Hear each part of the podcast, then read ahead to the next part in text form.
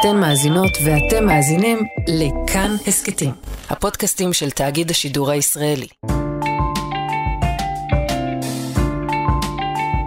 לא שקטות, עם טלי סמני ודוקטור רחל נגה.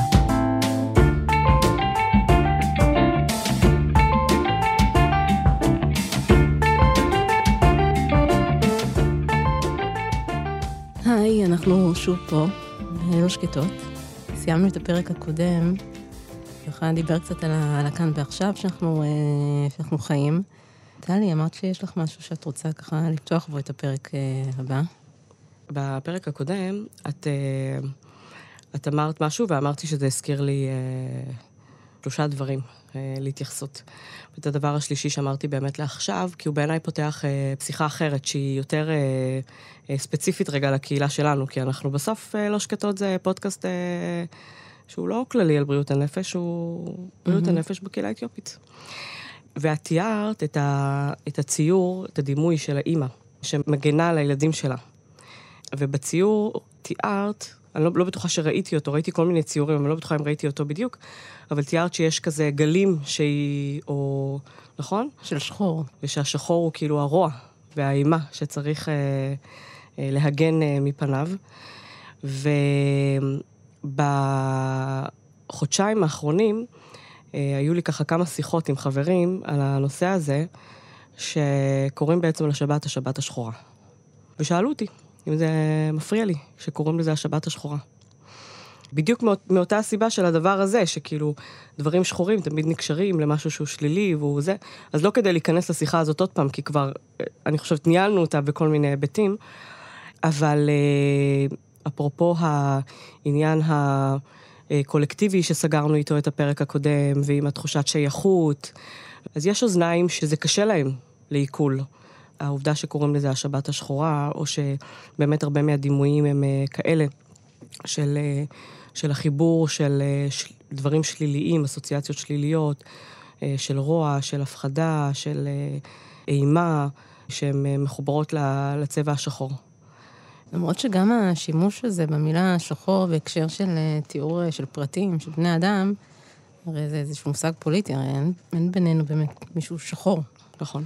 אז צריך לעשות אה, בעיניי את ההפרדה בין הצבע כשעצמו לבין המשמעות הפוליטית שלו. ואני חושבת שבהקשר אה, של השבת הזאת, ההקשר הפוליטי, הרע, האפל, מצדיק, אבל זאת רק אה, דעתי, את השימוש במילה הזאת. אז את לא היחידה שמרגישה ככה. יש, יש אנשים אה, שמרגישים כמוך. זאת אומרת, אני באמת, אה, מאז שנשאלתי את השאלה הזו, ובכלל, מאז ששמעתי את זה, אני בסוף מכירה את החברים שלי, בתוך אה, קהילתי אני חיה, כן. ואני ידעתי שזאת תהיה מילה שהיא, ידעתי גם עבור מי תהיה טריגר.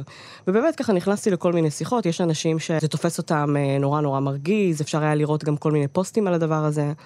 ויש כאלה שמרגישים שזה, שזה בסדר, ונגיד כשאני מציגה את הטיעון של הצד השני על uh, uh, החיבור הזה עבור ילדים, וה, וה, והקושי שלהם אולי לייצר מובחנות במקומות האלה, אז הם מרגישים שזה בסדר, ו, ואפשר לנהל שיחה רגע ולנסות להפריד בין אנשים לבין uh, דברים אחרים. אם כבר הייתי ממקדת את, ה... את הדחייה של המושג הזה, הייתי ממקדת אותה בדחייה של זה, בהדבקה שלה, נניח, אה, אלינו, כבני אדם. אנחנו לא שחורים, וזה לגמרי תיוג פוליטי. אז זה באמת אחד הטיעונים של uh, מי שמרגישים כמוך. Uh, אז אמרתי את זה רק בשביל לאפשר לנו רגע איזו שיחה שהיא באמת קצת יותר פרטיקולרית לקבוצה שלנו, לאוכלוסייה שממנה אנחנו מגיעים, כי כמו שאמרת בפרק הקודם, אנחנו שייכים לקולקטיב ישראלי, יהודי, ובתוך הקולקטיב הזה יש כל מיני תתי קבוצות שאפשר uh, רגע להתבונן עליהן, ו... ואני רוצה שאנחנו נתבונן קצת על עצמנו. מילה שככה היה, והשימוש מאוד אה, רווח בשבועות האחרונים, שאני ככה שמתי לב שמאוד עלתה לכותרות, זה הנושא של קהילתיות. עכשיו, אני אה, רואה בעצמי ממש אה, פריקית של קהילתיות, אה, ואני, אה, בחיים הפרטיים שלי, אני אה, הרבה שנים התעסקתי בלנסות לייצ- לייצר קהילתיות במקומות שאני בהם אה, חיה, דרך אה, קבוצות מתנדבים וקבוצות מנהיגות, וזה משהו שאני מאוד מאוד מאוד מאמינה לו, אני בכלל אדם של קבוצות. ככה, אם אנחנו ככה בתוך האקטואליה הזאת, אז בעצם המקום הראשון שבו התחלתי לראות שבעצם משתמשים במושג הזה, אה, זה היה אה, שיחות עם אנשי המקצוע שהלכו ככה לעבוד, אה, להתנדב בבתי המלון של המפונים, אה, שממש חזרו עם רשמים מאוד מאוד שונים ממלונות של קהילות שונות, ובעצם השיח הזה, שתושבים מהעוטף, שהגיעו יחד כ... כקבוצה למלון מסוים, היה ברור לכל שבעצם מדובר בקהילה שהגיעה יחד. כי היו את בעלי תפקידים, מי שנותרו כמובן. הייתה איזושהי חלוקת תפקידים ביניהם. היה איזשהו אה, אה, בנק ידע משותף, זאת אומרת, אנשים ידעו דברים אחד על השני, אה, הם ידעו לזהות אה, מה ה baseline של אנשים אה, מסוימים, ובעצם במה הוא שונה מהרגיל, והצליחו להצביע על הצרכים אחד של השני, ובעצם גם הפכו להיות מקור תמיכה ו- ועוגן אחד עבור השני, לעומת אנשים שהגיעו בעצם מיישובים שהם עירוניים, שבהם אה, תחושת הקהילתיות היא... בהרבה פעמים כמעט ולא לא קיימת ולא נוכחת. אה, והיה הרבה יותר קשה לעזור לקבוצות האלה, כשאנחנו מדברים בכאלה סדרי גודל, בכאלה מסות, לייצר איזה שהם מנגנוני התערבות יעילים, אפקטיביים, כי בעצם היה צריך לעשות פנייה מאוד מאוד אה, אישית לכל, לכל משפחה, לכל אינדיבידואל. הרבה פעמים היו מפוזרים, לא ידעו בכלל להחזיק את הסדר גודל של מי נמצא, מתי נמצא, מי מסתגר עכשיו בחדר ולא ירד לחדר אוכל כבר כמה ימים. מי אה, היקירים שלו עכשיו אה, לא נמצאים איתו, ובאמת היו ככה מופעים קצת יותר מורכבים, יותר קשים בחדרי המלון של, של המפונים האלה. Mm-hmm. וככה זה חיבר אותי ביום שאנחנו מציינים. עוד קהילתי, כל הבסיס שלו קהילתי, חג הסיגד, שבעצם אה, מדבר על אה, יום אה, כיפורים שני, בעצם 50 אה, יום אחרי יום הכיפורים. יום כיפורים קהילתי, שבעצם כל כולו יום של תחינה ותפילה וסגידה, ובעצם חשבון נפש קהילתי של הקהילה אל מול בורא עולם, ובקשה לחזור לירושלים. רגע, נגיד משהו על חוסן קהילתי. זה אחד מהמשאבים שלנו, כן? כשיש לנו קהילה חזקה, אנחנו משתייכים לקהילה חזקה שהיא תומכת אחד בשני, אז היכולת שלנו לחזור לתפקוד ולשגרה היא יותר טובה לרוב. וככל שהקהילה שלנו יותר אה, חזקה ומתפקדת בשגרה, אז גם במצבי חירום אנחנו נצליח להתארגן. והסיפור של, של חוזק או חוסן הוא בכלל לא תלוי בהכרח במשאבים כלכליים, אלא בערכים משותפים, בשפה משותפת של קהילה, בהתנהלות משותפת, בתפקידים האלה, כמו שאת אומרת, שאנחנו מכירים, ובאמת הקהילה שלנו מתאפיינת בכזה דבר. וכשציינו את uh, יום הסיגד השנה, זה היה מאוד מאוד מעניין, כי כשלפני שפרצה המלחמה, היו כל מיני התארגנויות, נכון? מתכננים את זה, בטח את הטקסים סביב יום הסיגד, מתכננים נכון. אותם כבר הרבה זמן לפני. חודשים. כן. והדיבור היה על התקופה עד השישי לאוקטובר. כאילו, התקופה של מה אפשר ללמוד על חיבור, ועל המשמעות של אם אני חטאתי, את חטאת, כי אנחנו מאותה קהילה, ולכן צריך את החשבון נפש הקולקטיבי הזה. אה, והיינו מאוד מאוד ברוח התקופה. היינו ככה באקלים של שיסוי ופילוג mm-hmm. וקבוצתיות ועדתיות וכולם נגד כולם. ובעצם, אפרופו חג הסיגד והמחשבות על התארגנות לגבי זה, אז המחשבות שהיו לי אז, אה, היו סביב המקורות שמדברים על מקורות הקהילה האתיופית, היהודית-אתיופית, ואחד מהם מדבר על זה שבעצם אנחנו צאצאי שבט דן, שבט הלוחמים, mm-hmm. שהיה שבט צפוני אה, בארץ ישראל של פעם, שבעצם שבט היה שבט הלוחמים, שאמר, אני במלחמה הזאת, שהייתה אז, לא משתתף, פשוט עזב את הארץ וככה ירד אה, דרומה, מצרימה ואתיופיה. אני הרגשתי שגם בתוך השיח הזה, אפרופו מה שהיה אז, אנחנו היינו קצת נהדרים, אמרנו, אנחנו בזה לא משתתפים, אנחנו לא רבים. ומה המחיר של זה בעצם? של לא להיות בפנים. אולי זה גם מסביר את מה קרה אחרי השביעי באוקטובר, כי הרי זה יום תענית, כן? צמים בו וזה, זה לא... זה, כמו שאמרת, זה יום כיפורים. הוא קיבל תפנית מעניינת, כי מה שקרה, זה היה מין חיבור רוחני מאוד מאוד עמוק, שהוא מחזיק בתוכו שני דברים בעיניי. אחד, הוא מחזיק את זה שיהודי אתיופיה הרי מקבלים בכניעה את כל מה שאלוהים יבין, נכון? כאילו לא מפקפקים בו, לא שואלים שאלות. הוא יודע, הוא יודע מה הוא עושה, הוא יודע למה הוא עושה. נכון, חלק מהפרקטיקה של הדת הזאת בעצם. כן, אנחנו מקבלים בקנייה את מה, ש... את מה שהוא יביא. ואנחנו יכולים רק לבקש ממנו. וזה הפך להיות יום שבו אם עד עכשיו, בחוויה שלי לפחות, או איך שאני מבינה, או מה שאני שומעת שאנשים אומרים על היום הזה, זה שבגלל שכבר עלינו לציון, כבר עלינו לירושלים, אז אנחנו לא מבקשים אה, מאלוהים לחזור ל- ל- לאדמה הזאת, אנחנו בעצם מודים לו על זה. פתאום היה מה לבקש. לגמרי. וכל התפילות הסתובבו סביב שלמות העם. העם, לא האדמה, לא במובן הזה, אלא העם. פתאום אה, לבקש שהמלחמה תסתיים, ושכל החיילים שלנו יחזרו, ושכל החטופים שלנו יחזרו. כאילו פתאום, זה הרגיש לי שזה חוזר לאיזה מין אה, קרבה למקור, לתחינה הזאת, לתחנונים האלה, לאלוהים. ופתאום היה איזה רגע שככה בין לבין פתחתי את ה... את ה... שידרו את זה הרי בלייב, כי בגלל המצב לא אי אפשר היה ללכת לזה. ופתאום, הרי איך יהודי אתיופיה מתפללים? מתפללים עם ידיים פרוסות הרי, נכון? נכון. אנחנו כאילו מבקשים מאלוהים, ו... ואנחנו עם ידיים פרוסות אה, לתפוס את, ה... את מה שהוא יור... ימטיר כן, עלינו. מושטות הן קדימה. מושטות קדימה, כן. ופתאום, לא יודעת, התנועה הזאת קיבלה אצלי איזה... לא, התרגשתי נורא, כאילו העיניים שלי דמעו ממש. ו- ואני המון שנים לא התרגשתי מהיום הזה ככה. פתאום זה קיבל איזה תפנית אחרת. לא יודעת, זה היה, זה השנה הייתה, זה היה יום מאוד מאוד מרגש בשבילי. אני חושבת שהדברים שתפסו אותי השנה בחג הסיגד, דברים שלא לא התייחסתי אליהם אה, בעבר. א', מבחינה, מבחינה טרמינולוגית, לסיגד יש עוד שמות. לחג הזה קוראים אה, מהללה. נכון. זה בעצם חג התחינה. ככה מתפללים ידיים שטופות קדימה במין תחינה, ו- ומוכנות ככה לקבל מה, ש- מה שלא יבוא. אה, אז מהללה, וה- והשם השני של חג הסיגד, או השלישי, אה, היה מטאסו. וזה בעצם אה, חג הקיבוץ, וזה שוב מתח- מתחבר לעניין, לרעיון הקהילתי הזה.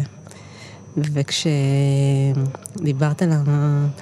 על, על הבקשה הזאת, התפילה, התחנונים האלה, על שלמות העם הזה, אז אני ככה חשבתי לעצמי שגם כשאנחנו קוראים לעצמנו אה, ביתי ישראל, כמו שהיה אה, באתיופיה, אה, אבל בכלל, אנחנו הרי ישראל, מה זה אומר בכלל ישראל? ואולי על שלמות ישראל, שזה גם שלמות הארץ, שלמות המדינה, שלמות העם, כאילו כמה משמעויות יש למילה הזאת ישראל, ומה זה אומר להיות ביתי ישראל.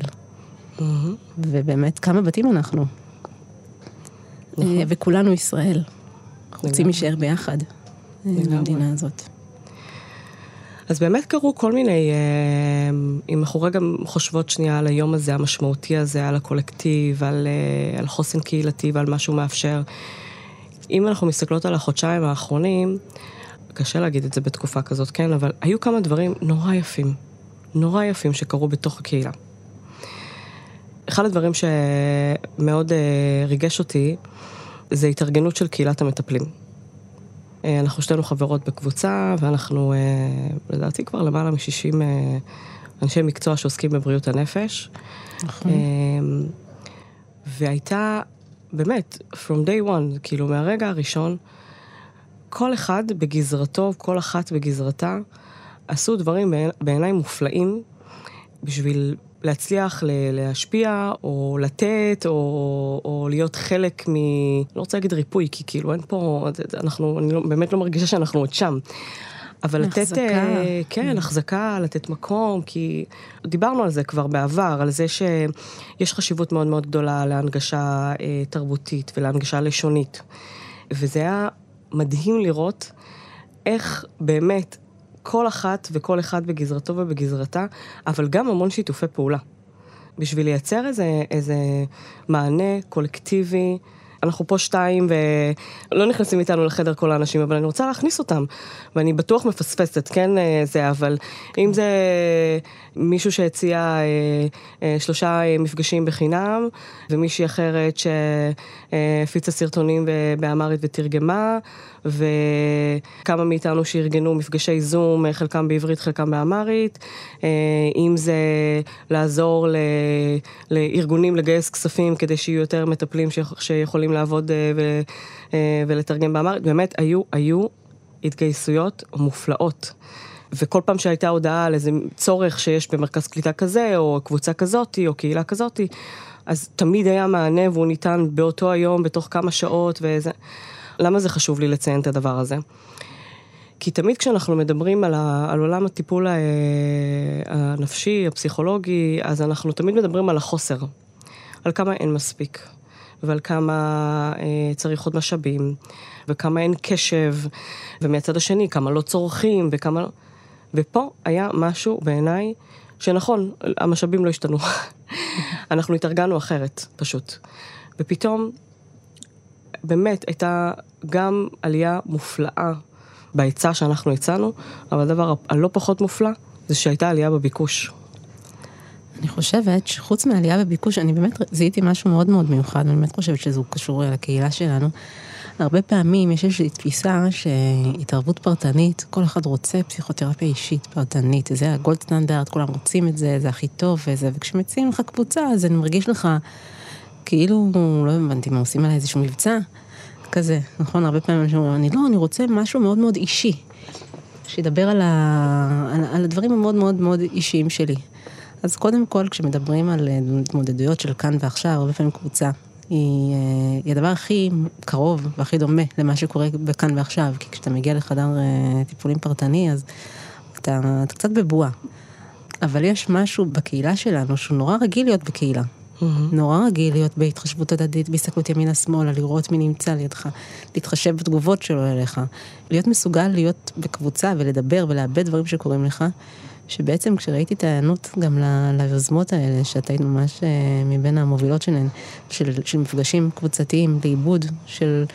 זה, זה לא מובן מאליו שאנשים באמת קמים ונפגשים בקבוצה, שהם לא מכירים את החברים בה, ויודעים שמדובר בעצם באנשים מתוך הקהילה, מגיעים באמת באמת בלב פתוח ונפש חפצה לשתף ולשמוע.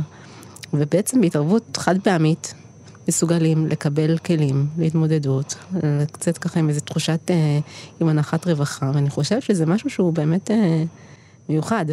ממש, את יודעת מה, מה יפה שם? כשעושים הרצאות, וזה, בסדר, אני רגילה, מגיעים וזה, שואלים לפעמים, זה... ויש משהו בפיזי שהוא יותר, אה, הוא מרכך, עשיתי גם כמה קבוצות פיזיות, אבל, אה, אבל בעיקר באמת בזום, בשביל לאפשר לכמה שיותר אנשים להגיע. אז קודם כל, אחת הקבוצות שעשינו, היא הייתה באמהרית, והיו שם למעלה ממאה איש. מדהים. תקשיבי, זה... כזה עוד לא היה לי. עכשיו, מאה איש, מבוגרים, כולם דוברי אמהרית, חלקם דוברים גם עברית, קבוצה של נשים, גברים, מלאי הערכה והוקרת תודה על זה שיש את הדבר הזה. חלקם עם מצלמות פתוחות, שזה גם, זה גם עניין. את מרגישה שכולם קשובים, אבל בעיניי, כאילו, הרגע הכי זה, זה שאנשים משתפים ושואלים שאלות, באמת, על מצוקות שיש להם בבית, על, על איך מתמודדים עם הילדים, או על מה הם עושים עם עצמם, או הייתה קבוצה שעשיתי שהייתה ממש משהו כמו 30 איש, אה, חצי גברים, חצי נשים, והיה שם אבא שמספר בדמעות, בדמעות, איך הוא בפחד אימים על זה שהבן שלו אה, לוחם והוא בעזה, ושהוא לא יכול לדבר איתו כל יום ולדעת מה קורה איתו. ו... ואימא אחרת מספרת איך היא מחזקת את הבן שלה, אה, שגם אה, לוחם, ונותנת טיפים להורים האחרים, ואנחנו יושבים ואנחנו עושים את זה על בונה, כן? כאילו שלושה סבבים של בונה. מדהים. ופופקורן, וכל, ה... וכל ה... כאילו המסורות הרגילות שלנו. וזה באמת הדבר הזה שהתייחסתי עליו קודם, שאנחנו בעצם, אנחנו, יש איזשהו, אה, איזה חוט כזה שמקשר אותנו אחד לשני בתוך הקהילה. גם אנחנו לא מכירים אחד את השני, אנחנו כבר מדברים על קהילה של אה, למעלה מ-150 אלף איש, אנחנו לא מכירים את כולם. נכון. אבל יש משהו, הייתי אומרת, כמו אה, קבוצות לצורך העניין, שיעשו אולי לישראלים בקליפורניה, בלוס אנג'לס, יש משהו אה, שמרגיש אה, קרוב יותר. אין מה לעשות, אני חושבת גם זה לא משהו שצריך אה, לטאטא להתבייש בו, לכעוס עליו. זה משאב, זה משאב אדיר, וצריך אה, אה, להשתמש בו בחוכמה. אז אם יש אנשי מקצוע שמציעים את עצמם, מה טוב, אבל גם סתם לחזור לבונה של שכנים ברחוב, במפגשים קבוצתיים.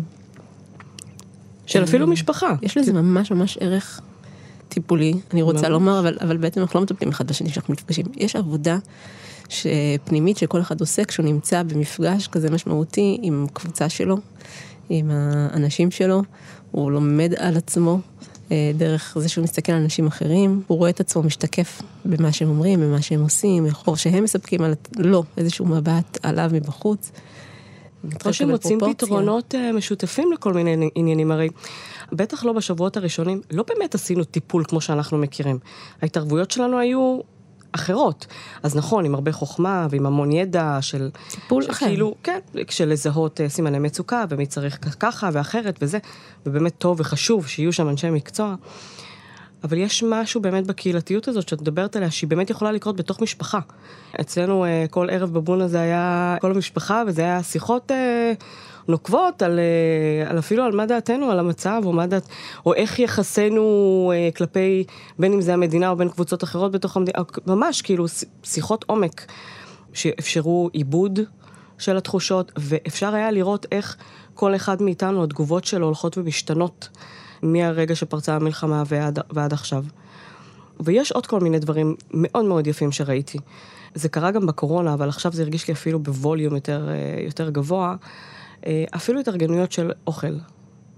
כאילו מבוגרים אוכלים אינג'רה, פתאום את רואה מלא, מלא התארגנויות של תרומות של אוכל ותרומות של כסף, ו... תרומות של אינג'רה, של מנות אינג'רה, ממש שממש אה, מאמצות, אה, אימהות מאמצות יחידות, ופשוט כן. מביאות משלוחות של אינג'רה. או, אז זה הדבר השני שרציתי לדבר עליו. או הרבה פעמים כשאנחנו מדברים על, ה, על הקהילה האתיופית, אנחנו מדברים על מה הקהילה האתיופית מקבלת. נכון? יש בינינו כמה יוזמים, בדרך כלל הם צעירים, ואנחנו הולכים ונותנים לקהילה. אבל פה היו מופעים יפהפיים של מה הקהילה עצמה נותנת באופן כללי בחברה הישראלית. אז את רואה התארגנויות של אימהות, באמת, כמו שאת אומרת, שהולכות ועושות אה, עמדות אינג'רה, כמו שהרבה זה עושה על האש, או לא יודעת מה, מביא את המשאית אוכל שלו, אז הם הביאו מלא מלא אה, אוכל מסורתי אתיופי ליחידות אה, של חיילים, שבאים ואוכלים ונהנים מהאוכל, ו... ו... ואגב, זה מומלץ אינג'רה, זה, זה סוגר אותך לאיזה שש שעות. אז כאילו, גם מזין, גם בריא, גם סוגר אותך לכמה שעות. גם קליל? כן, תני להם מנה ביום והם מסודרים, זה עדיף ממנת קרב. אז זה בטוח. אה, אבל לא, אבל פתאום את רואה את הקהילה כקהילה חזקה הולכת ונותנת. אה, בראשון הייתה התארגנות, שהוביל אותה איזה בחור אה, שהוא פועל בעיר, של מבוגרים שאספו כסף. שממש אספו כסף לתרום לציוד, לחיילים, לזה. כן, היה, הייתה גם בעיר שלי התארגנות. התארגנות של בני הקהילה שפשוט אה, תרמו ציוד אה, ואוכל, ותרמו את זה ככה, as is ל, ליחידות, ועלתה פתאום ביקורת מחבר'ה צעירים יותר, בני הקהילה, של למה אתם לא משתפים פעולה עם כל מיני התארגנויות אה, עירוניות? אה, למה צריכה להיות תרומה כזאת אה, נפרדת ונבדלת? וואלה. וזה, וזה חרה לי, הביקורת הזאת. כי יש עוד המון קבוצות וקהילות שמתארגנות, ו- וכל אחת נותנת אה, כפי יכולתה. בבניין שלי היו שלוש התארגנויות במקביל. נכון, שתמיד כן. היינו רוצים שיהיה איזה גורם מתכלל, נכון, הייתה גם ביקורת מאוד גדולה על הממשלה, על המדינה, על זה שהיא לא מתארגנת, ולמה כולם צריכים ככה לבוא בהתארגנויות פרטיות ולהתנדב ולא לקבל איזה תשלום ביום הראשון. לפעמים לוקח זמן, אבל חלק מהחוסן וחלק מהיכולת שלנו בעצם להתמודד עם הדברים, זה גם להתארגן בתוך הקהילות שאנחנו כבר מכירים ולעשות. לא, זה גם לא במקום. כאילו, כמו שאמרת, אנחנו 150 אלף איש, חלקנו מתארגנים... כן, אה, אבל, אבל באמת יש איזושהי אה, סטיגמה שלילית על הקהילתיות האתיופית, זה מה שאני מנסה לומר. כן. אה, שבעצם במקומות שקהילה אתיופית מנסה לפעול כקהילה, אז מיד אומרים, זה לא בסדר, צריך לפרק, צריך לערבב, צריך לעשות אינטגרציה, הבעיה הראשונה שלכם זה שאתם לא רוצים להתערבב. לא, אנחנו קהילה, וטוב לנו, כיף. לא, בסדר. גם אולי יש לנו באמת משהו אחר להציע שהוא, נכון. שהוא בסדר, שהוא בנתיב כזה, ודברים אחרים להציע, שזה בסדר שהם בנתיב יותר רחב. והדברים יכולים לחיות אה, ממש להיות אה, זה לצד זה, וממש ממש. לא... אה, אני ככה חושבת דווקא בהקשר הזה של פתאום של המלחמה הזאת, של ה... פתאום של באמת נפילת החומות, נקרא לזה, ושפתאום נהיה איזה קולקטיב חדש. זאת אומרת, אנחנו, אנחנו גם וגם וגם, ויש מקום uh, להכל. כן. ואולי כדאי להגיד רגע למה זה חשוב הדבר הזה. כשאנחנו נמצאים במצב, במצבים כאלה, אחד, כשאנחנו בתוך הסיטואציה, אחד הדברים שנורא נורא עוזרים לנו, זה שיש לנו תחושה של משמעות. ותחושה של משמעות יכולה לבוא בכל מיני אופנים, בכל מיני כיוונים, ועצם הידיעה שמבוגרים יודעים שהם קמים בבוקר, לא רק בשביל, באמת, הקבוצה הזאת שעשיתי חרוטה לי, אבל לא רק הם אמרו את זה, שמעתי את זה בעוד כמה מקומות, אבל כשהם אמרו, ככה עברתי אחד-אחד ושאלתי למי יש ילד במילואים, ומה הם מרגישים עם זה וזה, ואז הם אמרו, תקשיבי, זה בכלל לא משנה אם הילד שלי במילואים. הילד שלו במילואים, זה כואב לי בבטן. עכשיו, גם הילד שלי במילואים. אבל כשאני רואה שהילד שלו חוזר, אנחנו שומעים את זה עכשיו הרבה אה, ממטה החטופים, נכון? כאילו, כשיש משפחות זה, הם אומרים, אני שמח שהמשפחה שלי חזרה, אבל חברים שלי עדיין שם. אז, אז זאת, זאת לא שמחה מלאה. באמת החוויה של, של הקולקטיב היא... מאוד חזקה. היא מאוד מאוד חזקה. ואז אל מול הדבר הזה, את רוצה לייצר לעצמך תחושה של משמעות שהיא סופר סופר קריטית. עכשיו, למה היא קריטית? היא קריטית כי היא גם חלק מהסיפור שלך. ו, וכשאנחנו מסתכלים על התמודדות שלנו אה, במצבי חירום, או, או במצבים כאלה, מצבי קיצון, מצבי איום קיצוניים, אנחנו הרבה פעמים, ואנחנו נשמע את זה בהמשך, אנחנו מסתכלים אחורה ושואלים את עצמנו, אולי לא, לא באופן הזה, אבל אנחנו מתחילים לספר מה היה הסיפור שלנו אז. כאילו, אפשר לראות את זה עכשיו אצל אה, הרבה מבוגרים שהיו במלחמת יום כיפור. אז את שומעת, כל אחד מספר מה הנרטיב שלו על הסיפור, מה היה הסיפור האישי שלו, המשפחתי שלו, הקהילתי שלו, הלאומי שהוא חווה אותו. ואני חושבת ש... שהיכולת אה, של הקהילה, כמו הרבה קהילות אחרות, להתארגן ולייצר סיפור קולקטיבי משל עצמה, שהוא בעל משמעות ובעל ערך, ואנחנו אה, לוקחים אחריות על מה יהיה הסיפור הקהילתי שלנו כשאנחנו בתוך הסיטואציה, יעזור לנו מאוד מאוד כשאנחנו נסתכל עליו בדיעבד. נכון. ולכן בעיניי זה מופלא, ממש ממש מופלא. אפרופו מה שאת אומרת ככה על מלחמת יום כיפור, אה, שנעשתה, אה, ממשיכה לעשות גם הרבה עבודה סביב המטופלים אה, של אז, באיחור אמנם, אבל נעשית הרבה עבודה ויש עוד עבודה ועוד סיפור שהוא מתחיל להיות מסופר ולא באמת, של הטראומה של העלייה דרך סודאן. Mm-hmm. אנחנו ככה יודעות שכשאנחנו חשופים לטראומה כזאת קשה ולאסון כזה כבד, מבלי להניח בצד את זה שיש כמובן את התגובה לטראומה הנוכחית, פתאום מתחילות להתעורר תגובות לטראומה שנכוותה בעבר. ממש. וגם אנשים שלא חוו את עצמם עד היום כפוסט-טראומטיים מעלייה, פתאום יכולה להיות, להתפתח פוסט-טראומה, כאילו משום מקום, פתאום פלשבקים, זיכרונות חודרניים. פתאום עוררות יתר ודריכות, ופתאום עצבנות וכעס, ובאמת תגובות אה, מאוד מאוד קשות למשהו שהיה אי שם מזמן לפני אה, אה, 40 שנה, אה, סדר גודל. והסיפורים וה, הפרטניים הם בהרבה מובנים מאוד מאוד דומים למה שקרה פה באסון הזה. Mm-hmm. אה, שימוש בנשים ככלי נשק במלחמה, אונס נשים כאקט של טרור שהיה, גם על יד ילדים. חטיפות ילדים, שיסוף גרונות, השפלות, mm-hmm. מוטילציות, זאת אומרת, הטלת מומים באנשים, זה היה. כן. מאוד מאוד מאוד דומה. כן, וממש אה, אני בתקופה האחרונה, בחודשיים האחרונים, שומעת אה, אה, כל מיני סיפורים של אנשים, האמת במנעד גילאים רחב, לא רק המבוגרים. גם הצעירים, מי שהיו ילדים בתקופה ההיא, אבל לא רק על סודאן. פתאום עולים זיכרונות על לחיות כיהודי בגולה, כאילו לחיות כיהודי באתיופיה. Mm-hmm. כל מיני סיפורי באמת רדיפות, כמו שאת אומרת. זה מדהים איך שהמוח עובד, כאילו החיבור הנורא מהיר הזה, איך הזהות היהודית שלנו הייתה מקור לרדיפה במשך כל כך הרבה זמן. ו- ומשהו בלהגיע לפה ולהרגיש תחושה של ביטחון. ו- ו- ומה שיהיה פה, יהיה פה. ואנחנו נקבל, ואם צריך למות בעד המדינה הזאת, אז אנחנו נמות בעד המדינה הזאת. כאילו מין משהו כזה זה, שהוא נורא נורא חזק ומלא אמ, אמונה ורוחניות. פתאום, בשביעי לאוקטובר, משהו שם, אני מרגישה אצל אה, לא מעט אנשים, אה, אה, תחושת הביטחון או אשליית הביטחון אה, אה, נסדקה. אה, ופתאום, ופתאום אני שומעת סיפורים שלא שמעתי בעבר, גם מבני משפחה שלי דרך אגב, אה, וגם מחברים קרובים, סיפורים שלא שמעתי בעבר. כמו מה למשל? כמו למשל, אה, ישבתי עם מישהו אה, מבוגר והוא מספר לי את איך הוא נזכר, שתלו את בן דוד שלו בכיכר העיר כי, כי הוא היה יהודי.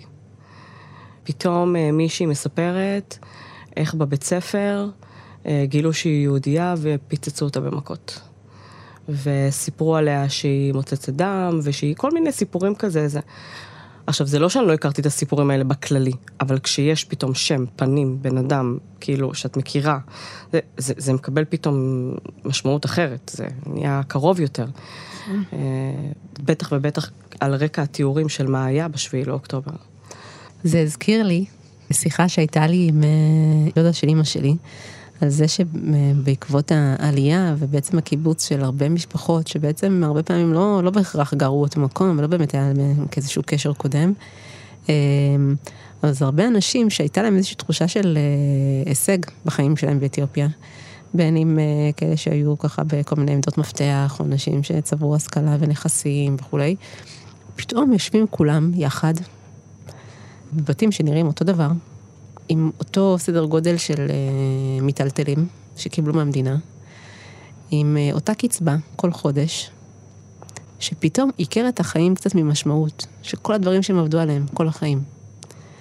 אני חושבת ככה על כל המפונים היום, שפתאום בבוקר אחד, לא משנה מה עשית, מה היית, כמה טרחת כל החיים שלך, מה צברת, מה לא צברת, אתה פתאום, אין שום משמעות לכל המאמץ שעשית כל החיים, אתה פתאום יושב בדיוק באותו חדר, כמו השכנים שלך, ותיארה, כאילו, איך עד היום הדבר הזה, גם תיארה כמובן מקרים של, אה, של דיכאונות קשים, של אובדנויות בעקבות הדבר הזה, אנשים שאיבדו את המקצוע ואת הפרנסה שלהם.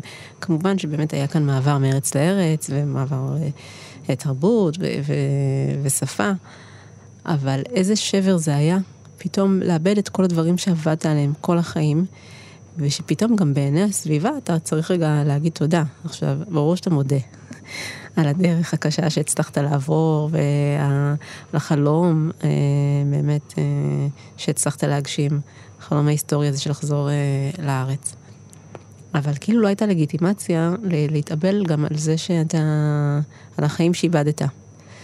ואני חושבת ככה גם על אנשים היום, שוב, כמו שאמרתי, שפתאום בבת אחת נעקרו. Mm-hmm.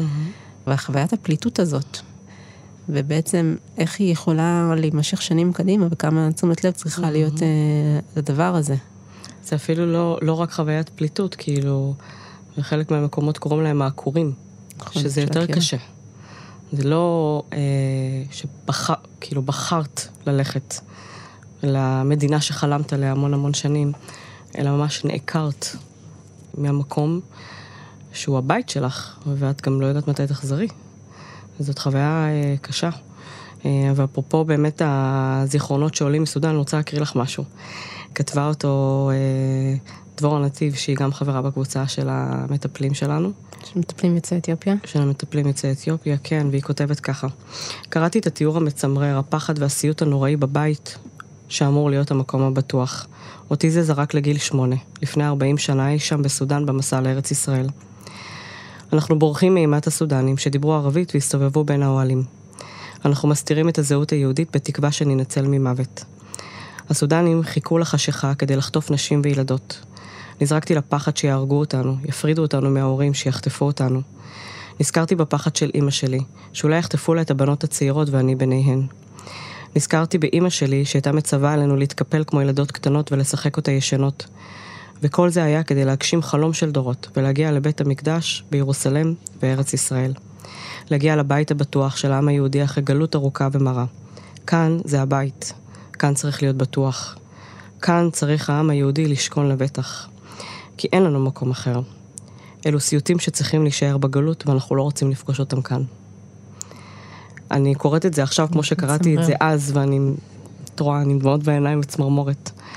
לא יודעת, הטקסט הזה היה נוגע לי ישר בלב. זה באמת, קודם כל זה טקסט אה, מהמם מצמרר. ובאמת הדבר הזה של אה, כאן אנחנו צריכים להרגיש אה, בטוחים. Mm-hmm. וזה מוזר זה להגיד, כי אנחנו עכשיו כרגע מרגישים לא בטוחים, נכון? הרי אנחנו בשיא המלחמה. אבל לצד זה, אנחנו כנראה, התחושה הזאת שאנחנו כנראה כאן בטוחים יותר מאשר בכל מקום אחר בעולם. Mm-hmm. פתאום זה הופך את זה ל... להרבה יותר נסבל. Mm-hmm. לשאת ככה את תחושת חוסר הביטחון הזאת, לדעת שעדיין זה כנראה המקום הבטוח ביותר עבורנו. כן, אנחנו רואים מה קורה בעולם. אנחנו מקבלים את התחושה שמוכרת לכל אחד מאיתנו באופן אחר מפעם, שזה מורכב להיות uh, הצד השולט במדינת ישראל. Uh, ויש חיבור ליהדות וחיבור לאנטישמיות, ואנחנו רואים כמה זה מורכב, כמה זה מורכב להיות יהודי היום גם בעולם. ועבור uh, כל מיני חברים זה גם מפחיד. זה גם מפחיד. אז, uh, אז אולי באמת זה המקום הכי בטוח בשבילנו. לפחות ביחד. להיות תחת האיום ביחד. לגמרי.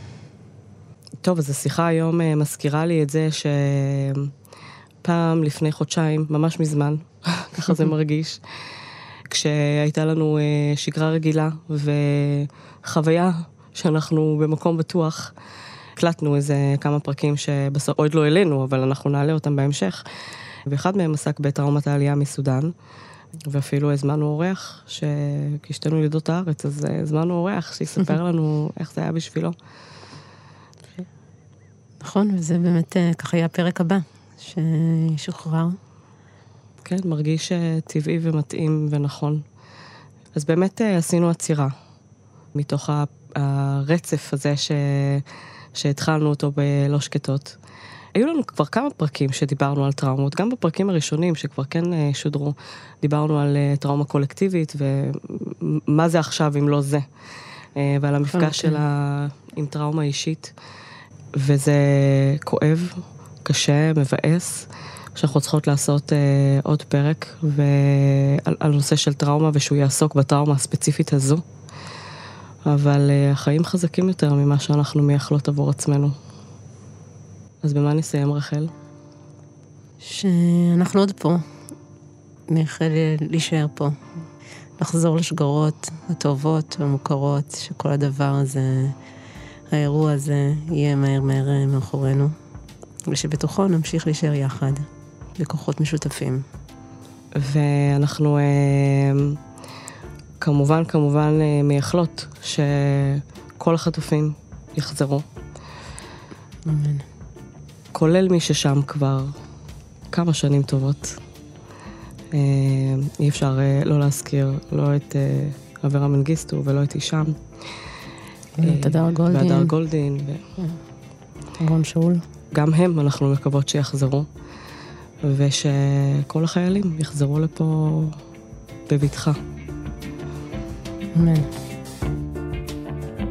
חפשו את מתחם כאן מרגישים באתר כאן, עם הסכתים ותכנים נוספים שיגרמו לכולנו להרגיש יותר טוב.